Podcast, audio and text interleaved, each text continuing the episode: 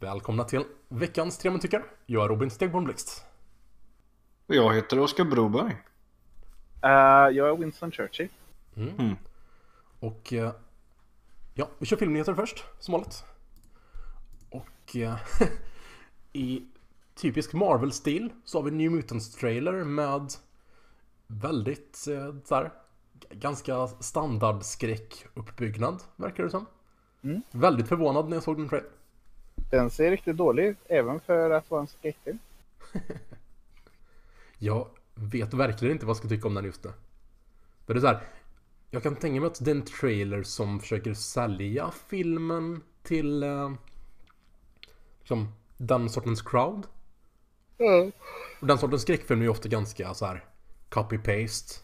Mm. Men eh, tydligen så finns det ju goda glimtar, även om inte jag har sett dem så mycket. Hur då? Ja.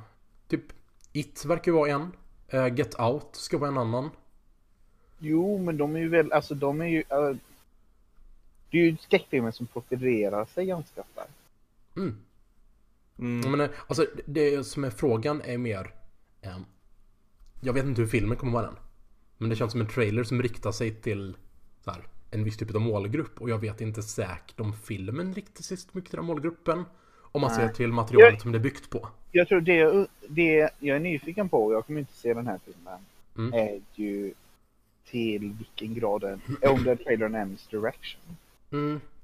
Om det som, blir det bara en uh, Haunted House-film med lite X-Men-krafter liksom? Ja, det, det skulle det bli väldigt konstigt. Jag kan inte tänka mig att det är det det är. Å andra sidan, så har, verkar de ju ha i alla fall rört sig mot det hållet som jag har pekat på med eh, X-Men-världen. Hur de bör hantera X-Men-filmen. Mm.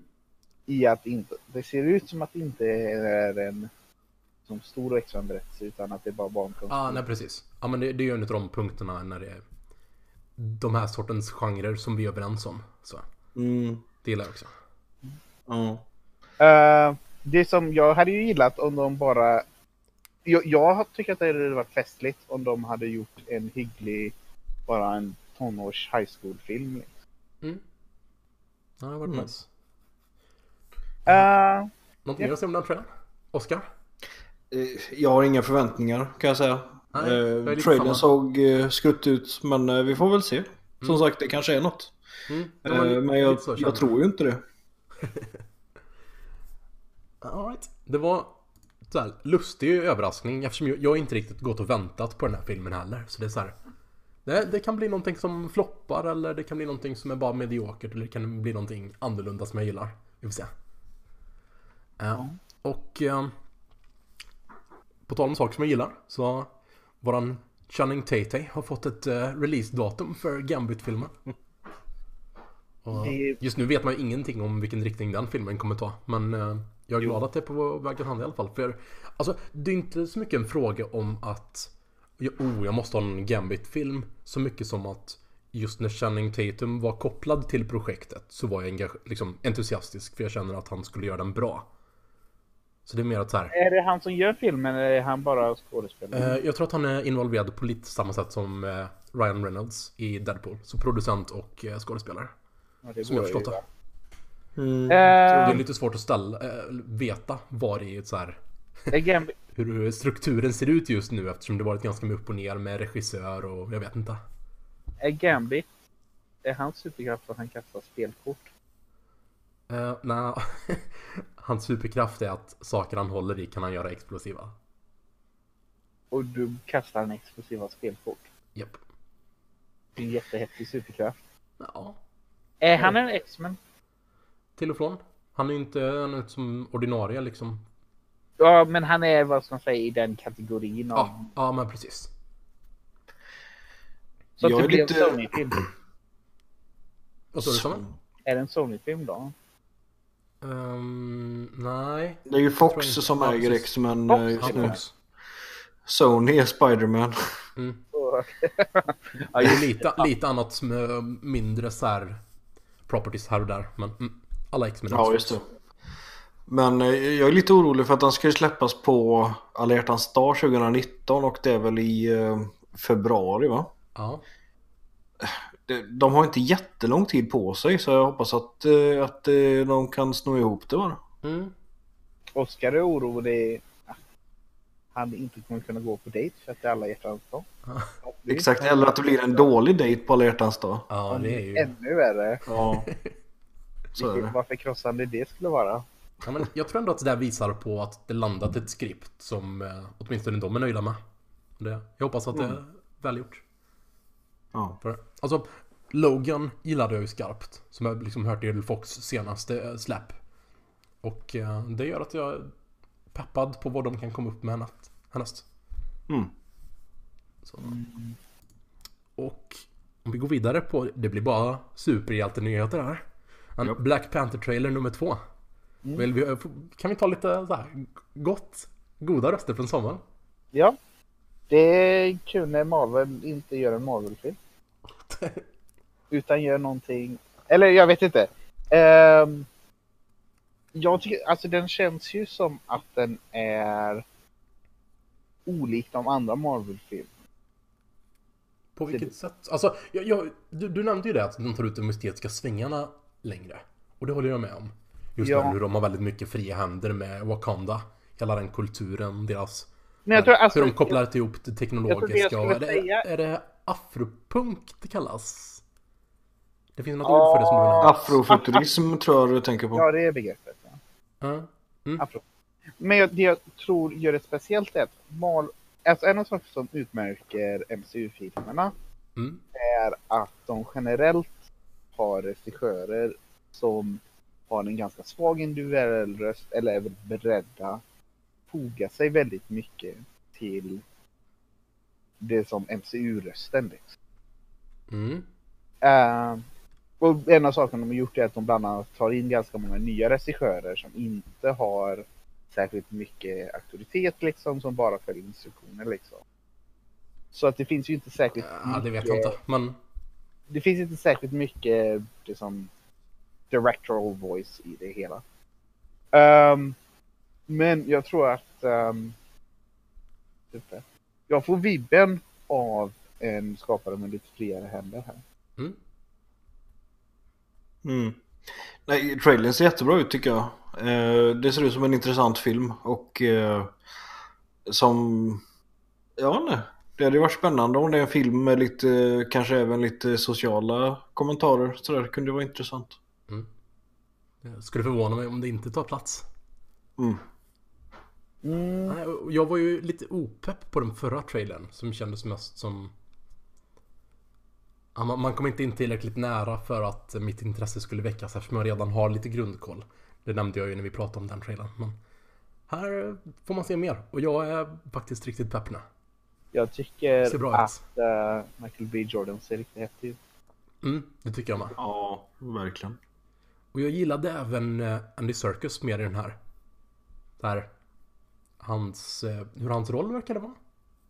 Där, hans fysikalitet. Han redan, jag, jag, jag gillade lite hur han funkade ihop med resten. han har ju redan varit med i den bästa Marvel-filmen. Jaha. Eh, och ja, en liten sista så här. Kick är ju att det går bra för nya Tor-filmen. Mm. Och ni verkar ju vara lite mer milda till den. Men jag är jättepepp på Tor 3. Nej, men nej, jag är pepp. Den eh, ska jag se eh, så snart jag kan, tänker jag.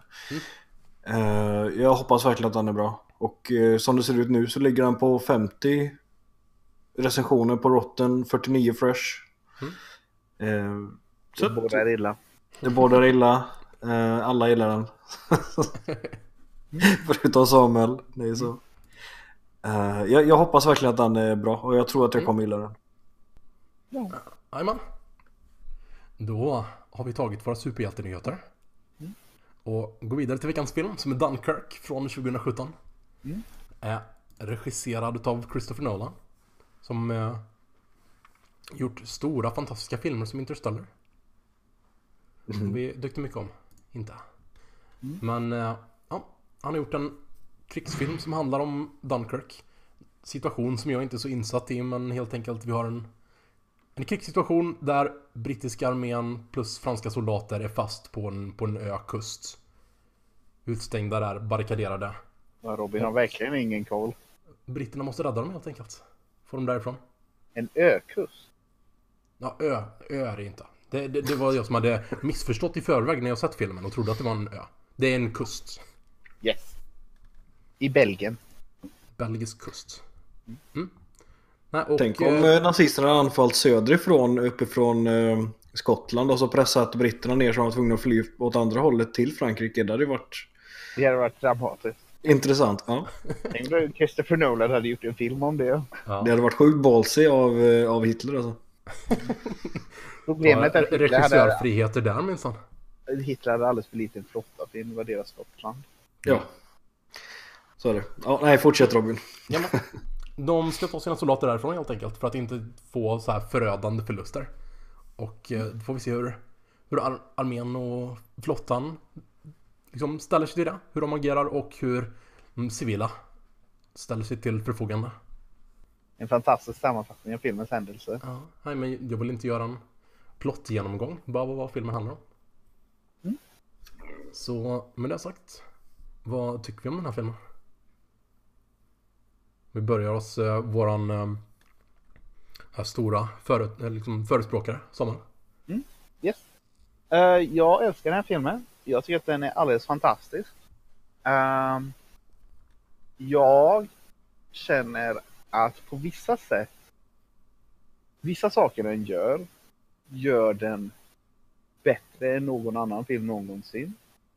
Och gör saker bra på ett sätt jag inte hade kunnat tänka mig i förväg. Eh, jag tycker också att filmen har begränsningar i dess ambitioner. Men alla dess ambitioner står den fullt på. Oscar? Jag gillar den här filmen jättemycket. Ehm, sen så jag skulle vilja se den på bio en gång till egentligen. Ja. Eh, bara för att liksom få ett bättre grepp om den. Men efter att ha sett den en gång så kan jag väl känna kanske att eh, hur, hur den berättades eh, kanske var lite eh, väl invecklat för sitt eget bästa. Men eh, jag tyckte om den jätte, jättemycket. Och jag tycker det är en fantastisk film. Yes. Den är vansinnigt bra. Oscar hade rätt. Mm, jag har ju lämnat det lite oklart om, eller så här, Nej, du... du fall, är- falska, vad är det man säger? Ja, du vilseledde oss. Jag vilseledde er. Ah, nej, jag tycker den är jättebra. Den är min topp 20. Ja men vad skönt då. Rättfärdigt. Och det, det är alltså, som du säger, eh, just om de ambitionerna Samuel, att den har vissa saker den sätter upp som den verkligen fokuserar på och gör till 100%. Det jag skulle säga är att det är ju en, det är en helt ex, em, experiential movie. Ja, Liksom att det handlar helt om upplevelsen i stunden. Filmen har inget djup. Mm. inget, men att säga det är ju inte att peka på en brist i filmen utan snarare på en avgränsning. Att det handlar om att förmedla vad, hur det känns att vara mm, precis. i den fruktansvärda situationen. Känslorna, besluten och bara så här, hela, hela situationen. Och Mm. det är värt att anmärka på att det är en film som nästan helt saknar handling. Mm. Det finns väldigt lite dialog i filmen. När en dialogen är så är det dialogen är i varje scen med mycket dialog är bland de sämre scenerna i filmen. Det är som dialogen är alltid det svagaste. Mm.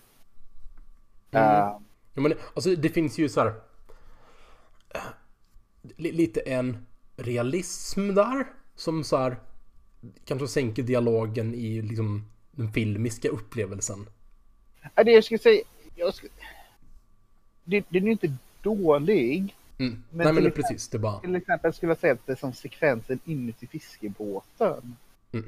Vilket är en av delarna med mest dialog.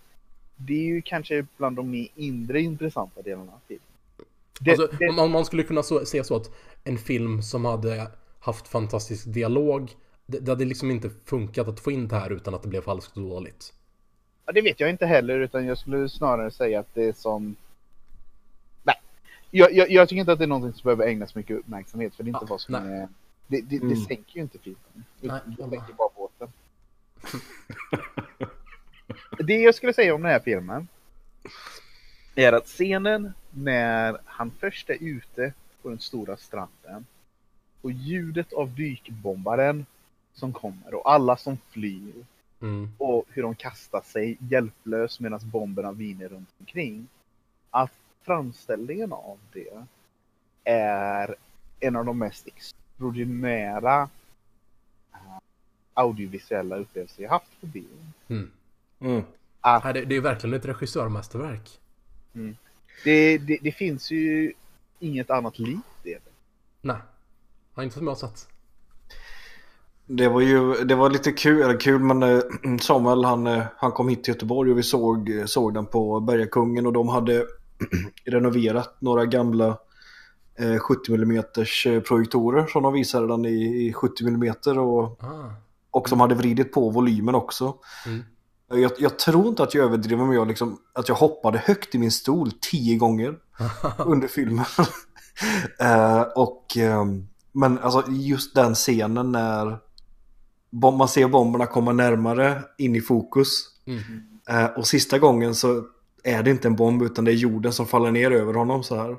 Ah. Eh, det var... ehm, ja, det var verkligen fantastiskt. Ja. Det var Ja, men, alltså det, det, den mästerliga handen som finns så känns som den ligger i balansen mellan det väldigt bombastiska och det väldigt tillbakahållna. Mm. Så här, i, i när... Det är det som skapar närvaron i scenerna. För om vi haft det liksom bombastiska ständigt, even, även i liksom de, de tysta, tysta stunderna. Den sortens grejer där det är liksom stilla bilder. Mm. Eh, Det hade inte alls blivit samma effekt. Tystnaden är ju fruktansvärd också. Ja, eller hur? För, för när, det som jag tänker särskilt på när de är på... Um, vad är peer på svenska? Pir. Piren, när de är på piren. Och det är som de är inträngda som sardiner i burken liksom. Mm. Eh, det blir ju, det är som, det, det finns ju en fruktansvärd spänning i det. Även när flygplanet inte är där och skjuter på dem. Ja.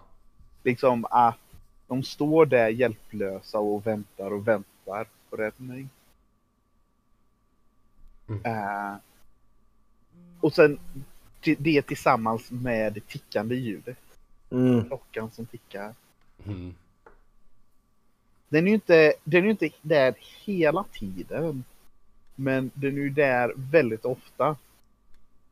Eh, tills den tar slut liksom. Ja. Mm. Alltså det, det är så många drag så här, som är både så här, narrativt så här, kä- känns åtminstone nu fulländat liksom. Tekniskt och så här eh, greppet om det rent praktiska. Det känns som väldigt många delar av hur det berättas är så här det viktiga i hur eh, om vi tar som ett första exempel där när eh, piloterna är uppe och skjuter i planen. Mm. Så är det en sån viktig sak hur många varv det tar innan de träffar varandra. Hur de, liksom, de får någon i sikte, försöker skjuta och hur det, det är liksom den sortens realism. Att det inte blir den här att åh han är en sån skicklig skytt. Så man, man ser honom långt ifrån när han liksom bara kommer glidande ut från, från skuggorna, molnen någonstans där ingen har sett honom. Och så väntar han till den perfekta stunden och då skjuter han och får, så sätter han liksom träffen. Utan du bara det här att han, han gör det fantastiska jobbet och precis som han gör som en skicklig pilot i att han gör försök efter försök tills han lyckas få rätta positionen. Och det blir så mycket mer effektivt då än om det bara varit lite filmiskt så här dramatiska. Ja. Mm. Eh, och, och det fantastiska med hur han skriver sin, hur mycket bränsle han har kvar. Mm. Eller hur? Eh, sen skulle jag också säga att just med det här flygandet, och det här flygandet är ju också det, det, det är ju de scenerna i flygplan, återigen, det är ju helt olikt allting annat man har sett på Mm. film. Det är som ljudet och det är bara känslan av att vara uppe i Spitfire. Ja. Eh, men sen också den fruktansvärda mörka skuggan av bombplanet på horisonten. Mm. Som bara ett plan mot ett skepp och det, det är som den, den hänger där i luften eh, den har ett sånt um, menace, ett hot till sig. Mm. Mm. Och eh, om man jämför mot segerflottorna i en av Robins favoritfilmer, Guardians of the Galaxy. Eh, värmer det där fyllt med ett hav av meningslösa eh, rymdfarkoster som bara sprängs som popcorn. Mm. Och om man jämför det med det som den här filmen som har kanske totalt åtta flygplan på skärmen under hela filmens gång. Lite annan sak som filmerna försöker göra. Visserligen, en sak försöker göra något bra, en film försöker göra något dåligt. Ehm, men just, Samuel går, går aldrig miste om en irrelevant jämförelse. intala dig själv från det Robin. Mm. Ehm, men det finns, alltså just den sparsamheten som du tog upp tidigare. Mm. Som är ju även det med flygplanen. Att det som man hade ju kunnat fylla himlen med hundratals segerplan. Mm. Mm. Eh, men det blir ju inget emot effekten. Och så som jag förstod det så använder de tre stycken riktiga flygplan. Mm. Två Spitfires och en uh, Messerschmitt. Eller Mm. tydligen så var det en variant med en Messerschmitt så de bollade om lite grann. Ja. Och sen så har de eh, ett antal liksom halvstorleks uh, fjärrstyrda flygplan som de Ja, använder för att flytta ner eller skjuta ner och för flygplan som de inte hade. Mm. Och de fick ju ut så mycket av det. Mm. Ja, verkligen. Det som jag eh, tänkte mycket på på filmen, eh, det var alltså under de här, när de sköt på varandra med, med kulsprutor, är ju också hur odramatiskt det är när någon blir träffad. Mm. Man ser, liksom när man ser från, från cockpit så man ser bara liksom, det liksom blixtrar till lite grann över skrovet på det andra flygplanet. Mm. Och så sjunker det liksom. Ja, precis. Det är inte explosioner, det är inte någon som liksom skriker eh, eller liksom människor som tittar och pekar utan det är... Och, och, och det är ju över i hela filmen upplever Ja. jag hur eh, vapenljud är. Liksom, Mm. Det är hårt och tungt liksom. Det är inte utdraget, det är inte liksom så här.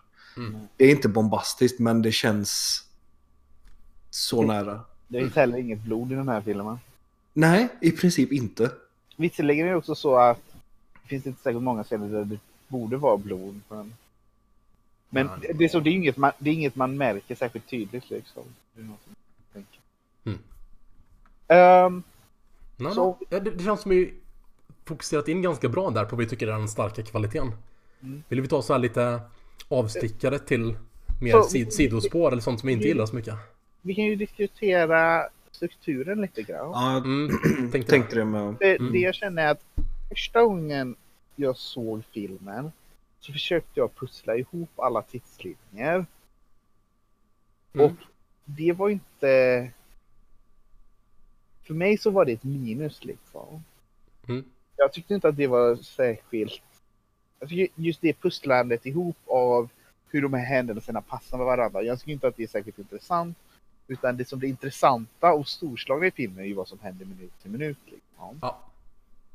det finns även någonting konstigt, och jag vet inte om det här är på meningen eller inte. Men att i den långa sekvensen, The Mall. För det första så trodde jag att titeln antydde att, att han huvudpersonen skulle egentligen vara en tysk spion. Mm. Eh, Men Mall syftar ju på vågbrytaren. Mm. Eh, Men under hans första sekvens ute på stranden, som han kommer ut på stranden, eh, bomberna börjar falla, de springer ut mot piren. Vädret byts fyra, fem gånger under den scenen, ganska dramatiskt. Mm. Det är som, det, under den scenen, så, eller den sekvensen, är det både det är som lugn, solig sommardag och storm och vågor och skum som blåser upp. Mm.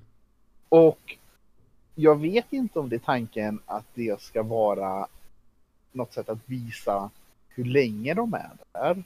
Mm. Eller om det är bara att de behövde klippa ihop från olika dagar det var olika väder liksom. Och de behövde ta det. Men Jag vet inte. sär- jag tänkte inte på det för alls första gången. Nej. Men andra gången jag så såg på den så tänkte jag på det och stödde mig ganska mycket. Okej. Och tycker att det inte funkar särskilt bra. Mm. Nej, för du sa ju innan vi började liksom att Alltså de, de skriver ju i början att de här händelserna utspelar sig över en vecka, de här över en dag och det här flyget över en timma. Mm. Eh, men att du förtydligade det innan vi började se filmen liksom att tänk på att det är så här berättelsen är. Mm. Eh, och, och det var rätt skönt för att då liksom eh, då bara ja okej nu fattar jag att det här utspelar sig över en längre tidsperiod än Mm. den här delen. Och, det, var, det var skönt liksom att men därför känner jag också att jag skulle vilja se den en gång till bara för att ja, få en, en bättre känsla så. En, en fråga jag vill ställa där om just det här med strukturen som är icke-linjär.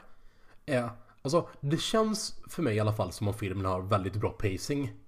Det blir väldigt sällan så här för mycket i rad eller så här för mycket på en gång och den har ganska bra intensiva perioder med korta pauser. Och jag funderar på om ihopklippningen av det som är strukturen på det här sättet är lite av en ett pacing-knep så att säga. För det blir Ja. lite grann ett sätt att få att det här är många parallella intensiva saker som händer samtidigt utan att få det bli den här raden av nu händer det här väldigt eh, stora och nu händer det här väldigt stora och nu händer det här väldigt stora och bara genom hur man smälter det av att tänka att det här händer mer parallellt tror jag tillför någonting. Ja. Ja, det, Jag det, tror- det är lite en, en teori liksom, det är inte så här. Ja. Jag tror, alltså pacingen som du säger är väldigt bra. Jag tror att man hade kunnat göra en lite mer rättfram strukturering av det. Mm. Jag tror att i den redigeringen så finns det något, ett element av som nu gör vi ett pussel med våra tidslinjer här. Mm. Och att, att man tänker sig att, att pussla ut ska vara tillfredsställande. Men jag känner att det får motsatt effekt. Det distraherar ifrån vad som är filmen. Mm. Alltså jag, vet, jag, jag kände inte att det fanns någon knepighet där. För så här, jag blev inte riktigt förvirrad utan för mig var det bara så här, aha, det här var inte tänkt att det hände liksom att man växlar fram och tillbaka tidslinjärt utan det har hänt samtidigt. Så för mig blev det inte riktigt ett pussel. Men jag tror det som, det som för mig, det, det som man har Cillian Murphy i livbåten och sen har man Li- Cillian Murphy på ett sjunket skepp. Och jag, det som, det som mycket av mitt tittande har att pussla ut det som vad är det som händer här liksom. Mm. Ehm, det var ju, det som, det var ju en, det som vissa delar där, det som de är ute i båten och flygplanet åker över huvud. Och sen så kom, sen så är, är, får man se sekvensen där de i flygplanet åker över båten. Och det som, det... Jag, jag, gillade just de, så här, det, de perspektivväxlingarna som inte var fram och tillbaka utan så här. Nu ser man där från ett, annan, från ett annat perspektiv med en annan tidslinje. Så för mig var det så här, kanske inte någonting som det inte hade varit jag, jag hade mycket möjligt kunnat gilla filmen lika mycket med en linjär struktur. Men för mig kände jag att som det var gjort och liksom hur de hade ehm, skapat det på ett sätt som inte bara kändes gimmicky Så tyckte jag att det tillförde och blev en positiv grej. Jag gillade det helt enkelt. Och inte som ett pussel utan som ett sätt att använda flera perspektiv på ett sätt som kändes eh, Som hade en annan typ av pacing helt enkelt. Ehm, jag, vi har inte pratat särskilt mycket Om Harry Styles nej Nej. Vi- och eh, hur fantastiskt Tom Hardy är. Ehm, han, det som, han, hans ögon på skådespelaren en hel del. Mm. Nej, jag tyckte jättemycket om Hardy. Och... ehm, ja, vi, vi kan ju avsluta på den poängen sen, men... eh, Alltså om Hardy. Men eh, jag gillade faktiskt Harry Styles rätt mycket också. Tycker han gjorde en bra filmdebut. Ja, det, ja jag, jag, ah, jag tyckte han var jätteanmärkningsvärd, men han gjorde ju definitivt väl ifrån sig. Mm. Ja, men jag, jag tänker mer i, liksom, i, i fråga om för honom. Så han liksom öppnat starkt. Sen så är det inte så att oh, det var Harry Styles var en utav de höjdpunkterna i den här filmen. Men jag, jag är ändå glad att han så här, eh, går ut och kanske har ändå en, en potentiellt bra filmkarriär framför sig. När han har det här som startskottet. Han kan spela en arg soldat i alla fall. Kan Timberlake så kan väl alla andra boybandkillar också. Vem vet, han får kanske spela djävulen mot en amerikansk IT-entreprenör en dag. Ehm, Ehm, två saker till som jag skulle vilja nämna. är jag tycker att filmen är bra på att balansera hopp och desperation. Det känns inte som filmen har en så här överhängande som total nedtryckande deppighet och des desperation. Utan det känns som filmen har en desperation efter att ehm, ja, men, det, är- det är inte den apatiska desperationen utan det är desperationen efter ett hopp ja, att ta sig därifrån. Och att balansera att det inte blir för fokuserat på att ja, men det här ska vi lösa. Vi, nu kommer liksom hjältemodiga britterna och det hoppfulla. Utan det är så här. Under majoriteten av filmen så hålls på precis lätt, ganska, liksom ganska balanserat, ganska låga nivå. Ja. Och, sen, alltså, och, och det gör att det funkar så bra sen när de civila båtarna kommer in. Och vi har den här väldigt eh, liksom, känslomässiga stunden. För det är lite en, en scen som är mer filmisk, så att säga. Precis. Jag skulle säga att det är enda gången då filmen åker åt det hållet. Liksom. Det är Mm. hoppfull musik som spelar och så. Och alla båtar dyker upp på samma gång. Och Ja, ja men visst är, känns det som filmen förtjänar den scenen genom hur den hanterar det i det övrigt. gör den. Det jag skulle Mm. säga är att filmen har ju ett genomgående ett sorts heroiskt nationalistiskt perspektiv. Mm. Mm. Och att det är som att det är britt. Men det, det är väldigt mycket Alltså det som Dunkirk-händelsen har ju väldigt mycket med formandet av den moderna brittiska självbilden. Mm. Inte som... Det här är ju ett land som bara 30-40 år tidigare var den ledande makten i världen med sitt världsvida imperium. Mm. Men nu, så blir deras nya nationalberättelse det här nya, det som Scrappy Underdog. Så Det som, som räddas precis i sista sekunder. mm. Eh, och det blir och just den heroiska berättelsen av det som vi hade kunnat gå under här. Men vi lyckas dra oss undan i sista stund. Mm. Att Mm. bara, som eh, de skriver i trailern, survival is victory. Mm. Eh, och som ett heroiskt na- eh, narrativ så tycker jag att det funkar oerhört väl. håller Mm. verkligen med. Och Jo. Mm. Ja, nej, jag, jag tänkte på ungefär eh, samma där, men liksom att det är ju, det är ju en, ska man säga, det är en ovanlig berättelse att sätta på film, liksom för att det det handlar inte om att vinna ur det här traditionella, eh, liksom, eh, eh, vad heter det, landstigningen i, i Normandie till exempel, eller eh, Nej, men precis. eh, någon liksom belägring där och sen är det klart. Utan där handlar det bara om att återuppställa status quo för, för eh, inför liksom nästa del av andra världskriget. Inte om att vinna andra världskriget. Mm. Eh, och, eh, och jag tycker att, och slutet reflekterar ju det också på ett väldigt, eh, väldigt bra sätt. Liksom att soldaterna känner sig misslyckade. Mm. Ja, Och jag, jag, tror tycker att de ska- ja, tror att de ska vara hatade liksom i, i Storbritannien och vill inte ens titta på sina, eh, sina landsmän i ögat liksom. Mm. Ända tills de märker att alla ser att de är, att de är hjältar liksom. Mm. Eh, och det, det var en jättestark scen och eh, också så, här, så välförtjänt i, eh, Ja. eh, med tanke på, på filmen eh, fram tills Ja men exakt. För filmen har aldrig gått in på att säga att så här. Här är det uppenbart att vi som tittare, hela omvärlden och alla tycker att det här är heroiskt. Mm. Utan så här, den perfekta balansen där mellan matter of factness och liksom, en emotionell regissörhand, eh, reg- regissörshand där. Ja, det, det är bara mästerverk i så många avseenden som det. Och jag tycker det som när de anländer för vad det som de senare på slutet vad de gör är att de förankrar betydelsen av henne. Och det gör de först genom att när de sitter på tåget och kameran ofokuserat tittar på de vackra engelska, de, som de rullande gröna fälten som Mm. där, där ute. Att det, det, som det är vad som står på spel här. Det som England och Englands frihet står på spel. Ja. Eh, och det, eller det, som, det var som att stått på spel hela tiden. Och sen när de läser Churchills tal så tycker jag att det, det är en sån extraordinär framförande av den retoriken. Mm.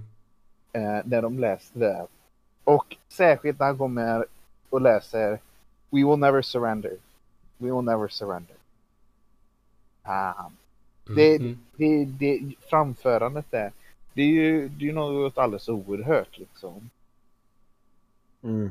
Den, fin, den allra finaste och bästa, bästa sortens nationalism. Ja, det var... Den här filmen är någonting orört. Mm. Jag, jag vill ta en sak som jag har lite problem med. Och så här, det kan finnas en förklaring till det här, så det, det kan, ifall ni har någon. Men jag känner att ehm, varför åker eh, Hardy ut med kusten och bara landar där bland tyska soldater? Han har ingen bränsle så han kan inte styra flygplanet. Men om hans eh, kamrat kunde vattenlanda, varför kör han inte ut och landar bland så här i, i hela den här räddningsaktionen? Bara kör ut och landar där. Jag vet inte så mycket om hur man flyger ett Spitfire. Eh, jag vet inte, han hade kanske kunnat lyfta. Jag vet inte om man behöver ha motorn igång för att kunna lyfta, ändra på. Nej men alltså han har ju tappat bränslet när han skjuter ner det sista planet där. Mm. Jag, jag funderade också på det liksom. Eh, sen så eh, i slutändan så, så brydde jag väl inte så mycket för att det var en så snygg scen när han eldade upp planet. Mm. Men, Ja, men det, det var eh, lite så här, man kan Det, alltså det ska ju vara ett heroiskt offer. absolut. Eh, jag tänkte inte på det. Bara, det, det undergrävde lite det som någonting väldigt bra för mig. Mm. Utan jag såg så här vad som gjordes och jag gillade hur det var, hur scenen var konstruerad. Men det bara kändes lite meningslöst. Jag kan, alltså, det är så här, det är kanske bara gjort för liksom dramatisk effekt. Men det, det kan ju också vara något så här att det Han fick syn på ett perfekt ställe att landa på. Och det var för riskabelt att vända om till vattnet. Eh, det, det, Ja. alltså, jag tänker, det kan finnas en förklaring. Även om det inte det känns liksom lite, lite knepigt. Mm. Så kanske det var mindre riskfyllt att landa där han gjorde än att försöka landa i vattnet. För att det kanske är jättefarligt att landa i vattnet, jag, jag vet inte. Mm. Den andra killen dog ju nästan eh, när han landade i vattnet till exempel. Mm. Å andra sidan kändes det som, ja, jag vill inte nöta det över övrigen. Men det kändes som, Mm. för det, dem var det någonting naturligt att så här, ja, kör du en vattenlandning så så här. Ja, jo. sen. Han vinkar av sin polare liksom. Det är Sen uppstod det ju problem. Ja, jag det kändes tror- jag som det var att det ganska Jag standard att göra så. Han har inte tänkt på det helt Ja. enkelt. Ja. Nej, vi låter den gå. Mm. Och jag tyckte jättemycket om Tom Hardy, så... Han får göra lite vad han vill i slutet. No, Det tillåter vi. nobody cared about me before I put on my mask. Mm. Uh, nobody cared about me before I got in my Spitfire. Mm. Spitfires alltså. Mm. Vad sätter vi för betyg på Spitfires och Dunkirk i, i sin helhet? Vi sätter Grace på den. Det Alla tror jag vi gör va? Mm. Ett masterpiece. Triple great, gott. Och med det, vidare till Samuels topplista. Det, det, jag vill, det jag vill betona. Och en, en sak till att säga om Dunkirk. Mm. Det är att Christopher Nolan är väldigt bra på som händelser och actionsekvenser och att ha en cinematisk logik. Han är väldigt dålig på karaktärer och karaktärsmotivation. Ja. Så att det är passande att han valde en berättelse där alla karaktärer har det, det som basic karaktärsmotivation som kommer förpaketerad. Mm. Mm. Och ingen har en ark, ingen har liksom i princip ett namn. Det, Mm. det var perfekt.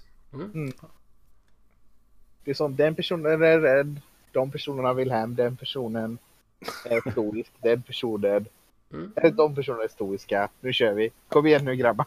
Nazisterna är stygga. Nazisterna är inte med i filmen. Nej, exakt. Det, det glömde jag säga. Det var ju också ett... eh, Jag gillar det. De var bara det här hotet utifrån liksom. Det var, man såg dem aldrig. De är, man ser dem bara i slutet när de kommer för att ta Tom Hardy. Och då ser Ja, man just det. De var en dold hemlighet som aldrig avslöjades helt enkelt. Mm. Bryggan Ja. var han med. Ja, det var ju snyggt.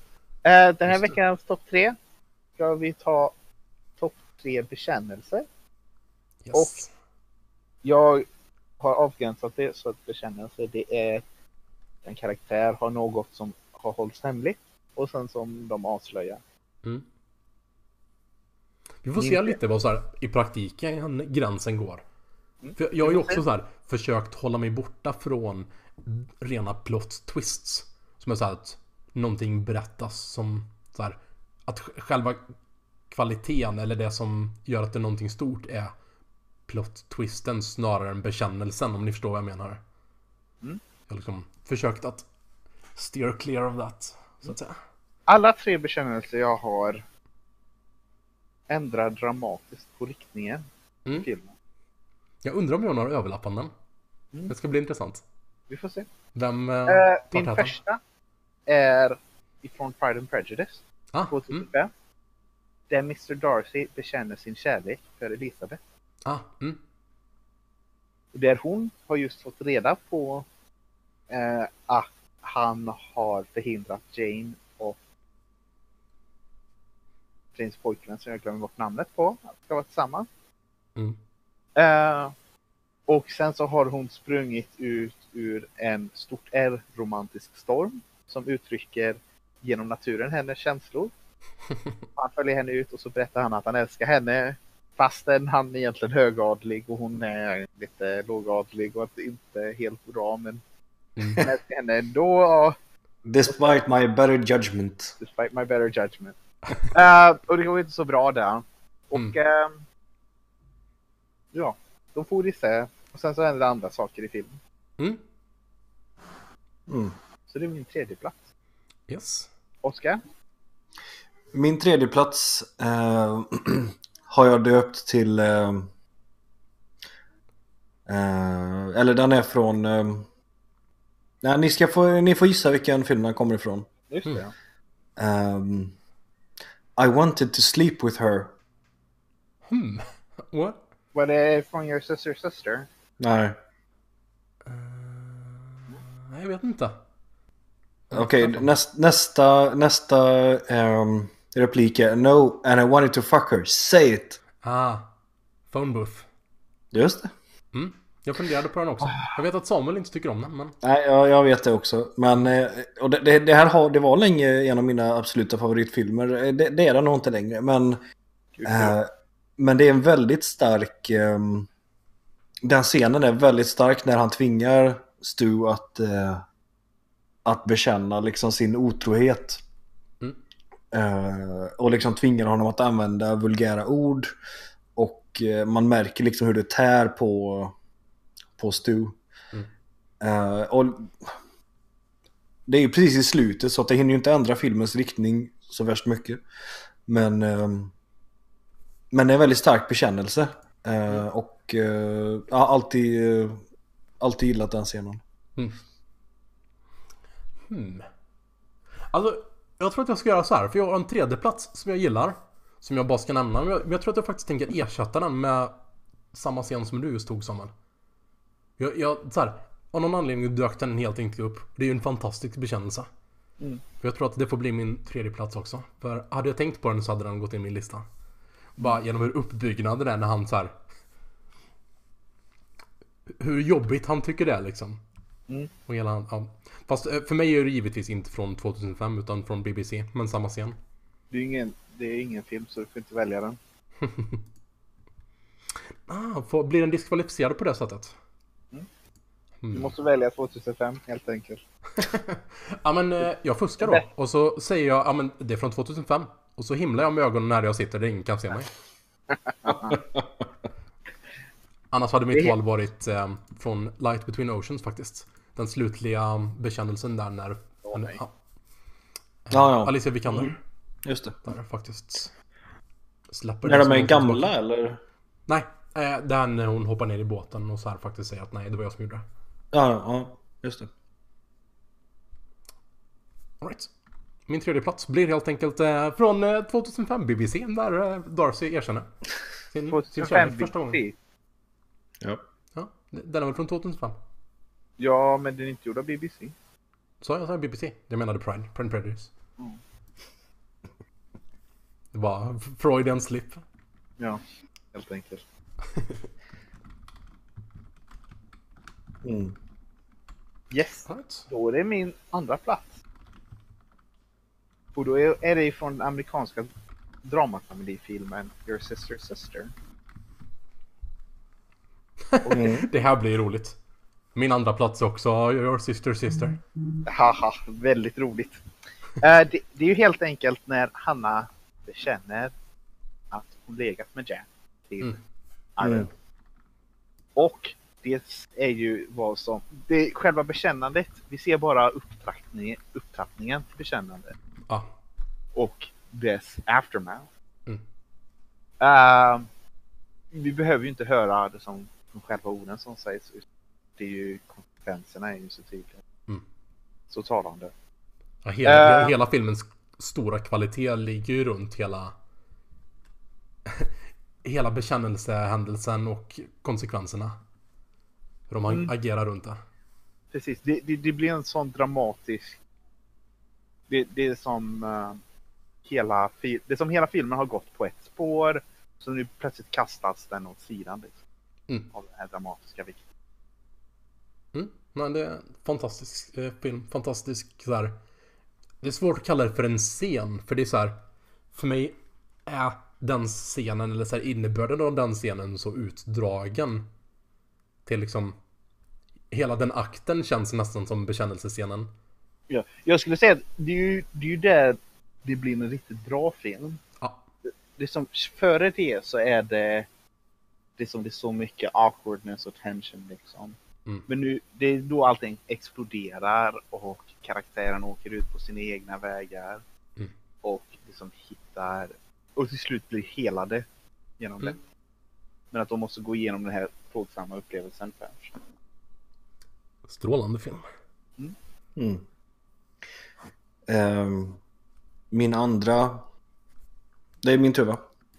Det är det. Min andra plats har jag döpt till eh, I love you most ardently. Åh, vänta nu. Det är från Most. Prejudice 2005. Ja. det, är, det är som eran tredje plats. Mm, mm. Just det. Eh, så. Och Eh, jag tycker om den mer än oss helt enkelt. ja, jag gör tydligen det. I alla fall den scenen. Nej men den är ju... Det är jätte... Jag såg scenen nu på... Innan podden här. Det, det, den är ju väldigt fin alltså. Mm. Den är bra. Ja. Sommar? Yes. Min första plats är ifrån den tyska komedifilmen Goodbye Lenin. Mm. Och det finns några som jag skulle välja där. Eller det det fanns en annan som jag skulle välja, men den som jag hamnade till slut är Mammans bekännelse. Mm. Där, för det är tänkt att de vid, när de tar henne ut i sommarstugan, att de ska berätta att egentligen så har kommunisttyskland fallit och de har ljugit om det. Men istället så bekänner mamman något annat. Och det är att barnens far inte hade liksom lämnat dem utan han hade eh, defekterat först. Mm. Och med tanke på att frun och barn skulle följa efter honom. Mm. Men hon hade inte vågat det. Hon hade ljugit om det. Mm. Hon hade gömt alla brev som hade kommit ifrån fadern. Just det. kommer den fantastiska scenen där den desperat liksom river ut köket för att hitta dem. Så är det. Också en bra film. Riktigt bra film. Mm. En Bra scen. Det är sant. Första platsen då? Det var min första plats. Ja. Just det. Ehm, och den här, eh, en del av den låter så här. Ehm, And breaking the heart of, the, of a murdering bastard has consequences. Hmm. Det är, ju- är det en bekännelse? Känner jag inte igen. Det är ju från Kill Bill 2. Ja, alltså jag har liksom hela den scenen. Eh, det, det är ju slutet av Kill Bill 2 när eh, när Uma Thurman pratar där tillsammans med, med Bill. Och de har ju båda bekännelser. Eh, han... Alltså, det, för hans del är det väl kanske mer en förklaring eh, om vad han gjorde, varför han gjorde det liksom. Um, men hon bekänner ju där uh, varför hon aldrig berättade uh, att eh, varför Pai Mei lärde henne det här uh, Five Point Palm Exploding Heart-teknik-grejen. Men hela den där scenen i alla fall för mig blir som en stor, alltså att de bekänner ju sin kärlek som finns kvar eh, på ett sätt. Eh, och som driver hela filmen. Eh, Mm, men... Jag kö- köper resonemanget. Men i slutändan så måste hon ändå mörda Bill för att han kidnappade hennes dotter och försökte mörda henne liksom. Ehm, Mm, mm. Det, det är ett jag- gränsfall, men ett lyckat gränsfall tycker jag. jag insåg hur fantastiskt bra de filmerna är. Det är en väldigt bra film och det är en väldigt bra scen. Ja, Det var länge sedan jag Ja, såg men dem jag- i sin helhet. jag- Jag måste bekänna att jag inte tycker att det passar in i mallen. ah, okej. Men, men i alla fall, alltså, hur- och hur scenen är uppbyggd så här att de, de pratar, det är lugnt och skönt en stund. Och sen så liksom, om man liksom ska se det som en, inte vet jag, som ett stycke eller någonting så är det bara som ett, det är ett, som ett stort utropstecken i mitten där de liksom fightar och, och de sitter på stolarna och har en katana-fight. Det är Fantastiskt. Och så lugnar det ner sig igen liksom när han fattar att nu är det slut. Mm. Alltså, how do I look? You look ready. Och så går han och dör. Och det... Ja, det är poesi. Mm, mm. Det är bra. Alright, min första plats blir jag lite så här sentimental här. För den här, det här kanske inte... Det, det är helt enkelt när eh, i slutet av Pride and Prejudice när Elizabeth Bennet blir tillfrågad om hennes känslor har ändrats och hon bekänner att de har ändrats. Och jag skulle säga att det är en sämre scen än den när Darcy första gången berättar hur han känner. Men det är så här, hela uppbyggnaden av den och så här hur den är gjord. Den så här, tillbakhållsamheten. Det, den bara gör mig så glad varje gång. Så det är min Den- första plats. Vilken scen? Alltså när Darcy frågar så här. Jag kommer fråga dig en, en enda gång och annars kommer jag så här aldrig. Ja, det är i allra slutet där. Precis. Mm, så När här, de möts över de dimmiga fälten. mm, precis det är det jag tänker på. Från, från BBC, BBC 2005. Det är mycket bättre att de bara promenerar längs en gränd och pratar. Precis. Istället precis. mötas. i- Det är med precis. BBC och det är- 2005.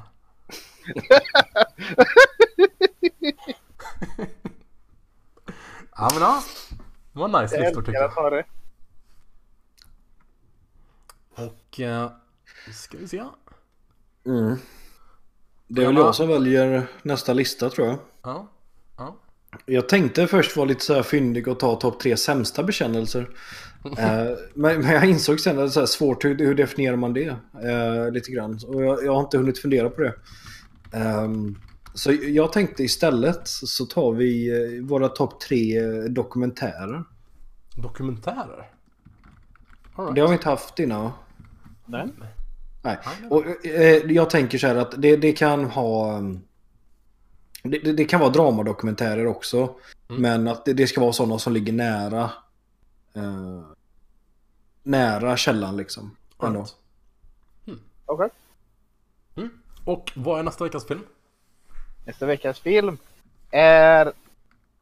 Dun, dun, dun, dun, dun. Barry Lyndon. Ja. Det ska bli intressant. Har inte sett den förut. Barry Lyndon.